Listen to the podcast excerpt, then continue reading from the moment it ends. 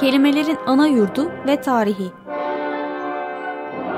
Hazırlayan ve sunanlar İskender Savaşır, Timuçin Binder ve Ömer Aygün.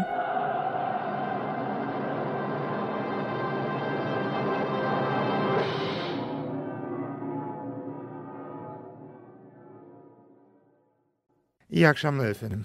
Aslında bu akşama titrin ve kendinize dönün. Timuçin Binder size Türklüğü öğretecek diye başlayacaktım ama Timuçin sarardı ve aman aman aman dedi. Kimseyi bir şey öğretecek halim yok.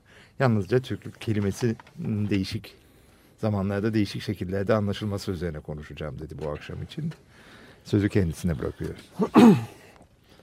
İyi akşamlar. Evet öyle e, bir şey öğretmek gibi bir niyetim yok. Hani her şeyi bilen insan tavrında yaklaşmak istemiyorum buna. Çünkü bu hem bu e, tartışmamızı hem de gelecek haftaki tartışmamızı hani Türk terimi üzerinde çalışmak şeklinde düşünüyorum. Yani bu terimden ne anlamamız gerekiyor? Çünkü genelde bu soru aslında sık sık çıkıyor. Yani Türk ne demek? E, ne demek olduğu üzerine bazı iddialar var. Uzun bir süre Türk'ün Türk sözcüğünün güçlü anlamına geldiği söylendi.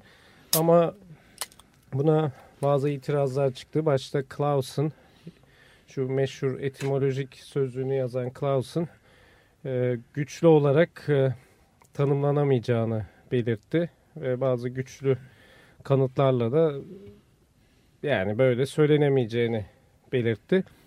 Gene de yani de tartışma sonuçlanmış değil. Tam olarak Türk sözcüğünün ne anlama geldiğini aslında bilmiyoruz. Clausen'ın etimolojik sözcüğüne dönüp bakacak olursak orada bir tanım var. Ama bu bizim istediğimiz tanım mı? O biraz e, tartışmaya açık. Çünkü burada Türk kelimesi daha önce de buna değinmiştik. Olmuş anlamına geliyor. Yani olgunluğa ulaşmış, olmuş bir şey anlamına geliyor. E, bu sözcük çeşitli şekillerde kullanılmış. Kaşgarlı'da da görüyoruz. Yani olmuş üzüm veya olgunluğa erişmiş e, bir hayvan için kullanılmış. Veya e, işte savaşa giderdim ama yeterince olgun değilim anlamında. Hani yeterince Türk değilim şeklinde kullanılmış. Ama bu anlam galiba bize çok yararlı olmuyor. Çünkü bununla yani bu anlamla Göktürklerdeki Türk sözcüğü arasında bir bağlantı kurulamıyor. Henüz kurabilmiş birisi yok. Ve zaten bu anlamı e, olduğu gibi kullanmaya kalkıştığımızda da hani olmuşlar e, grubundan bahsetmek gibi bir durumla karşı karşıya kalıyoruz. Bu da açıkçası biraz çok e, yani bana çok akıllıca gözükmüyor. Yani birileri kendilerine olmuş insanlar demişler. Yani pek aklıma yatmıyor. Neden yatmıyor? Yani bir kavmin kendisini olgunlar diye tarif etmesi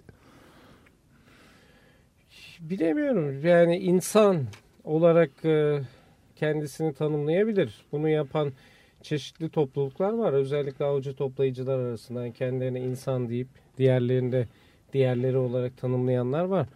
Ya olabilir, olmayabilir demiyorum kesinlikle ama yani tam aklıma yatmadı. Çünkü başka kullanımları var. Hani olmuş üzüm gibi kullanımlar. Hani buradan oraya sıçramış olabilirler mi pek emin değilim.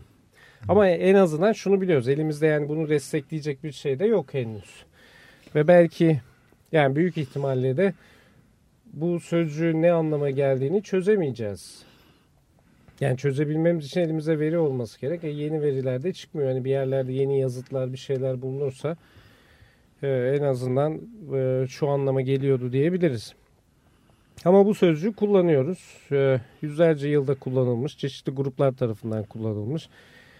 E, anlamını bilmesek bile hani hangi bağlamlarda kullanıldığı üzerine kafa yorabiliriz.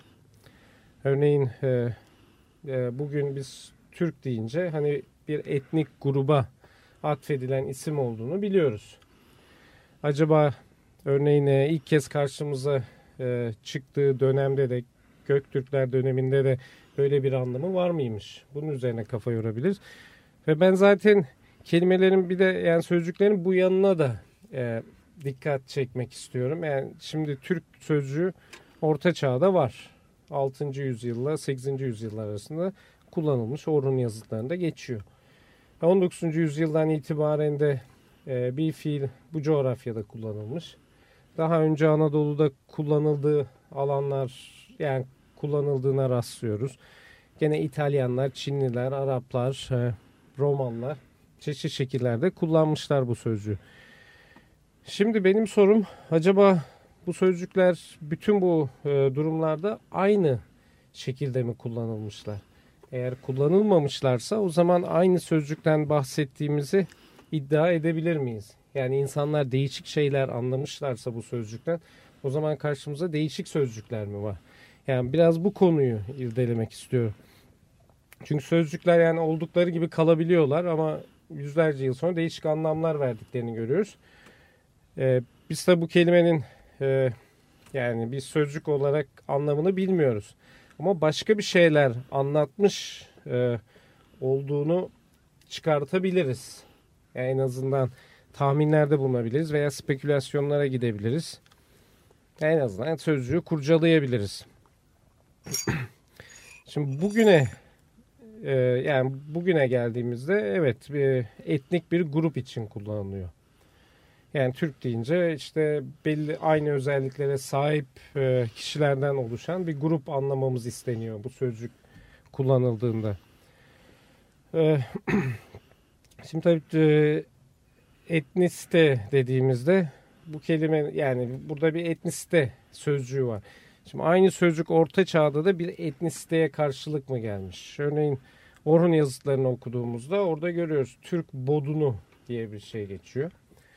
E, Kültikin ve Bilge Kağan ikisi de bunu kullanıyorlar. Türk bodunu diyorlar. Arkasından başka terimler de etkili, ekliyorlar. Ben Türk bodunundan ve yani benim bodunum, benim oğuşum diyorlar. Hani farklı alt birimlerden de bahsediyorlar. Şimdi bu konuya muhtemelen herhalde gelecek hafta daha derinlemesine gireceğiz. Benim ilk üzerinde durmak istediğim bu etnisite kelimesi. Yani bir Yunanca'daki etnos oluyor. Çoğulu etne oluyor.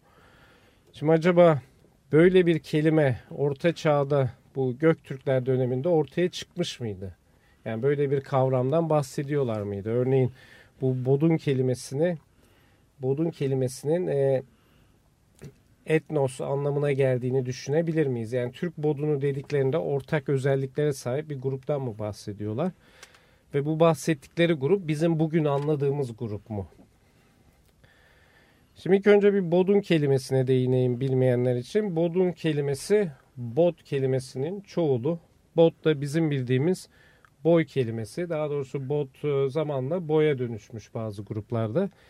Boy kelimesi de yani bugünkünden çok e, farklı bir anlama sahip değil. Bir bireyin, kişinin büyüklüğünü anlatmak için kullanılmış bir sözcük. Daha sonra da klanlar için kullanılmış. Yani boy deyince bazı araştırmacılara göre klana anlamamız gerekiyor. Bodun deyince de e, bugünkü Türkçe'ye çevirsek boylar sözcüğünü veya terimini anlamamız gerekiyor. Ama bunu Orhun yazıtlarında okuduğumuzda bodun diye okuduğumuzda birçoğumuzun aklına muhtemelen bir şeyin çoğulu gelmiyor. Çünkü oradaki u, n eki bizde artık aynı duyguyu uyandırmıyor. Bir çoğulluk e, anlamı çıkartmıyoruz. O yüzden çok rahat bir şekilde hani burada kastedilen etnos diyebiliriz. Ama dediğim gibi onun çoğul olduğunu anlarsak aslında orada söylenen şey Türk etnosundan çok Türk boyları oluyor. E gene tabi burada ortak bir gruptan bahsediliyormuş gibi izlenim çıkıyor. Böyle kullanmış da olabilirler. Ama bunu iddia etmek elimizde yeterince veri yokken pek kolay değil.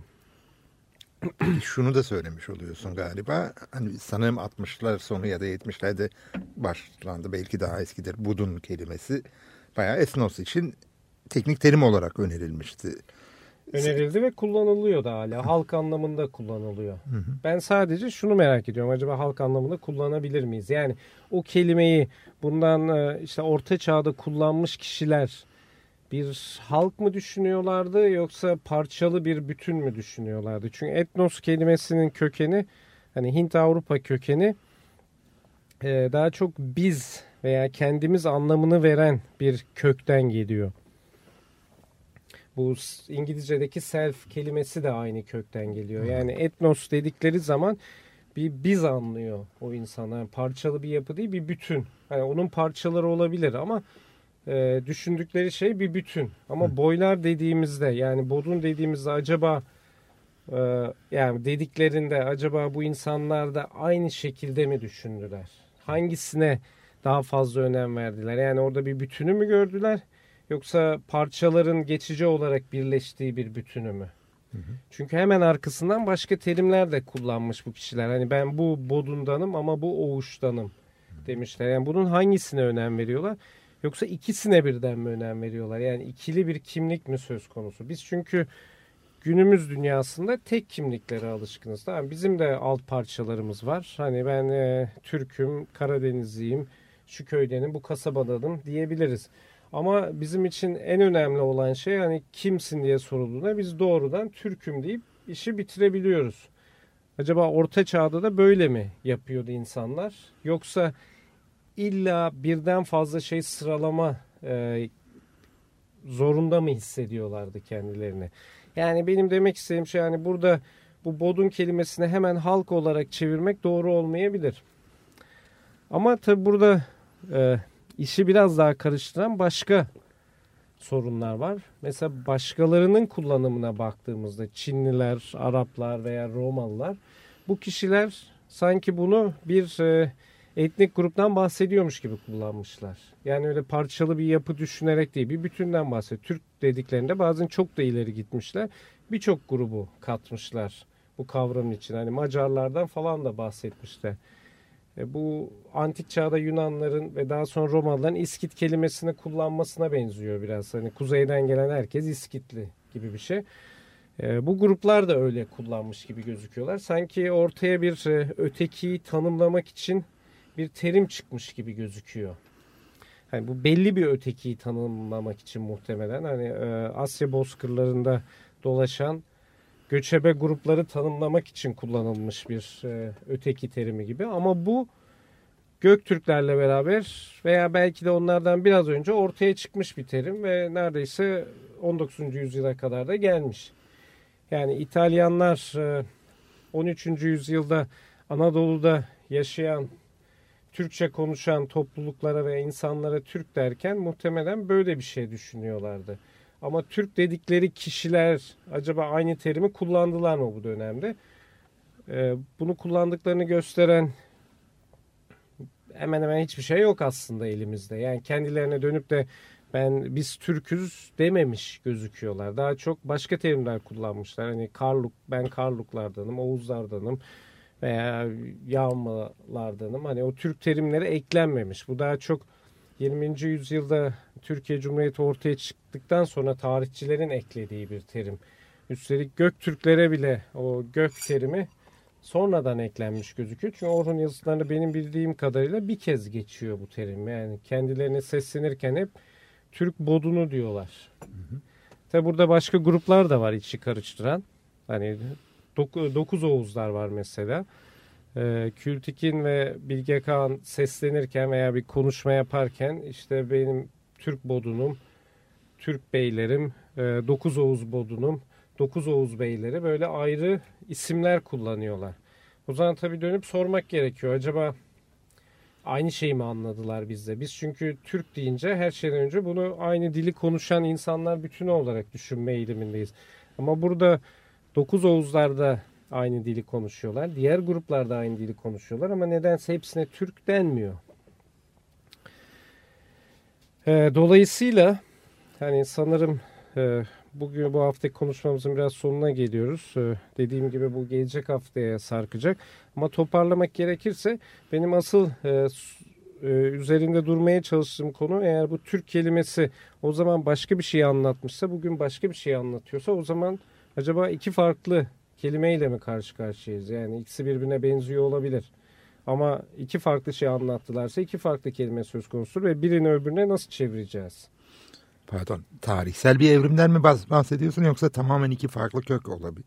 Tarihsel olarak da iki farklı kök olabilir iki mi? İki farklı, iki hatta üç farklı kök de olabilir. Çünkü Çinlilerin, Arapların ve diğerlerinin kullandığı Türk kelimesinin kökü aslında onların kendi dünyalarında ortaya çıkan bir anlamda yani anlama gidiyor. Yani onlar Türklerle konuşup da hani siz kendinize ne diyorsunuz biz de size öyle diyelim gibi bir konuşmadan mı yola çıktı acaba? Pek sanmıyorum. Yani onlar Türk kelimesini kullanırken hani kendilerini bir etnik grup olarak gördükleri için bir etnik grup icat ediyorlar ama bu aynı kavramın Orta Asya'da icat edilmiş olduğunu göstermez. Yani iki farklı veya üç farklı kök olabilir. Bir de tabii 19. yüzyıl var. 19. yüzyıldaki Türk terimi hani sözcüğün kendisi Orta Asya'dan gelebilir. Ama etnik grup anlayışı nereden geliyor? Batıdan geliyor gibi gözüküyor. Anlam bakımından hak, tamamen aynı fikirdeyim seninle de. Şimdi daha ziyade biçimden bahsediyorum. Birden fazla Altay diyeceğiz eski Türkçe'de. Birden fazla Türk kökü mü var demek istiyorsun? Onu bilemiyoruz. Hani demin e, tartışmamızın başında belirttiğim bir Türk sözcüğü var. O belki tamamen farklı bir kökten gelmişti. Bu bahsettiğimiz kök de bir şekilde zamanla kaybolmuş bir kök. Yani elimizde kayıtlar yok. Hani Orhun yazıtlarında görüyoruz ama ikisi farklı kökten gelmiş de olabilir. Onu bilemiyorum. Şimdi benim durumumu bir düşün.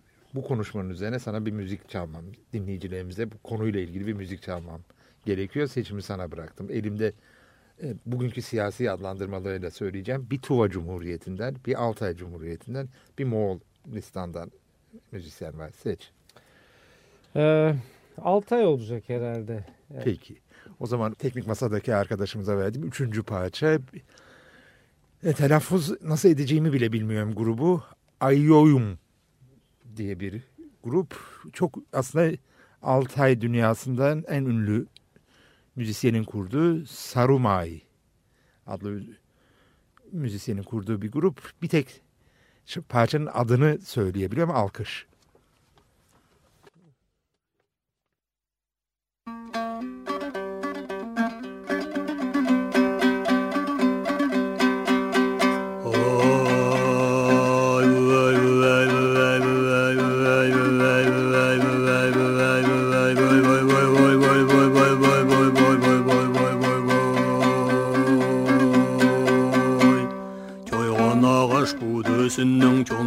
жеткен будок чурум жормалдың жарашылын қылда ерепем ойнаған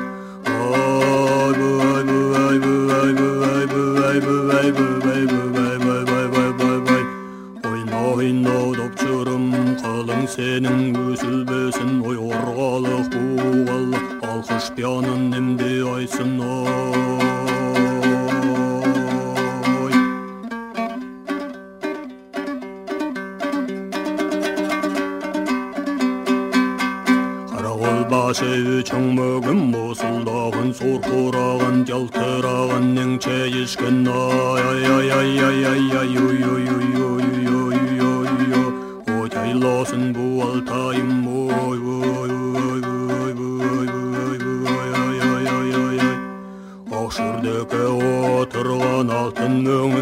орынған ақ торғаны небудь абынған ой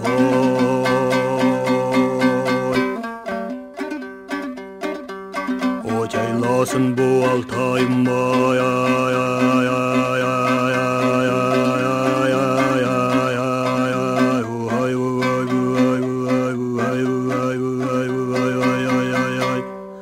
Üç ayak bu köşe gölü paylaşımdı bu altayım o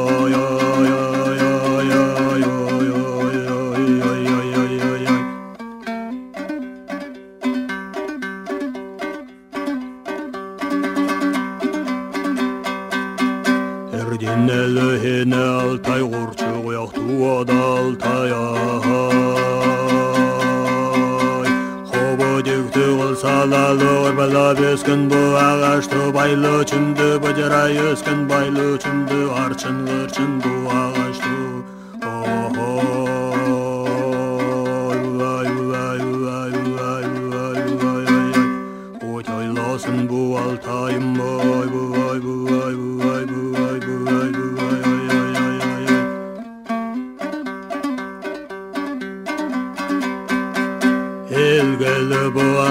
эмесинде оюнду эбиреде дайгалы айландыра турган агач ташту эмду өсүмдүрлү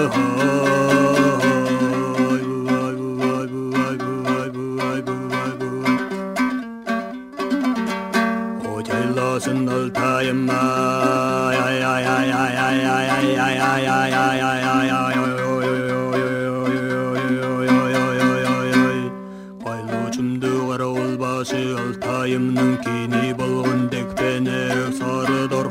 табыңа ада болған бектене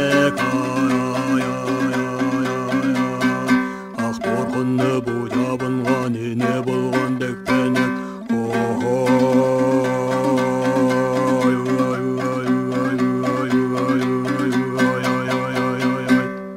күн алдында мысылдап шыққан жалтырап шыққан албатыға бұбыянду аржан құты қосуларлы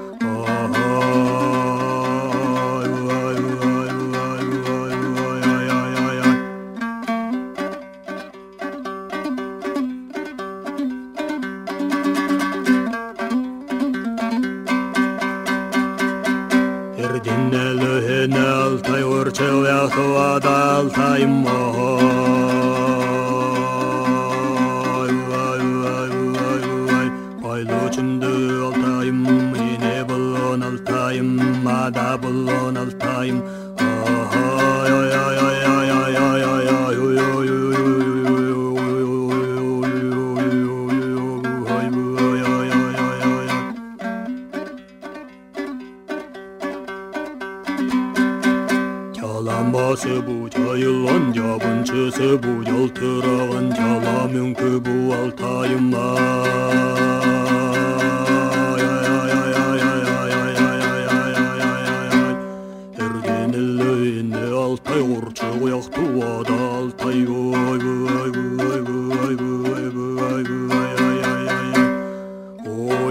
kalmasın bu oltayım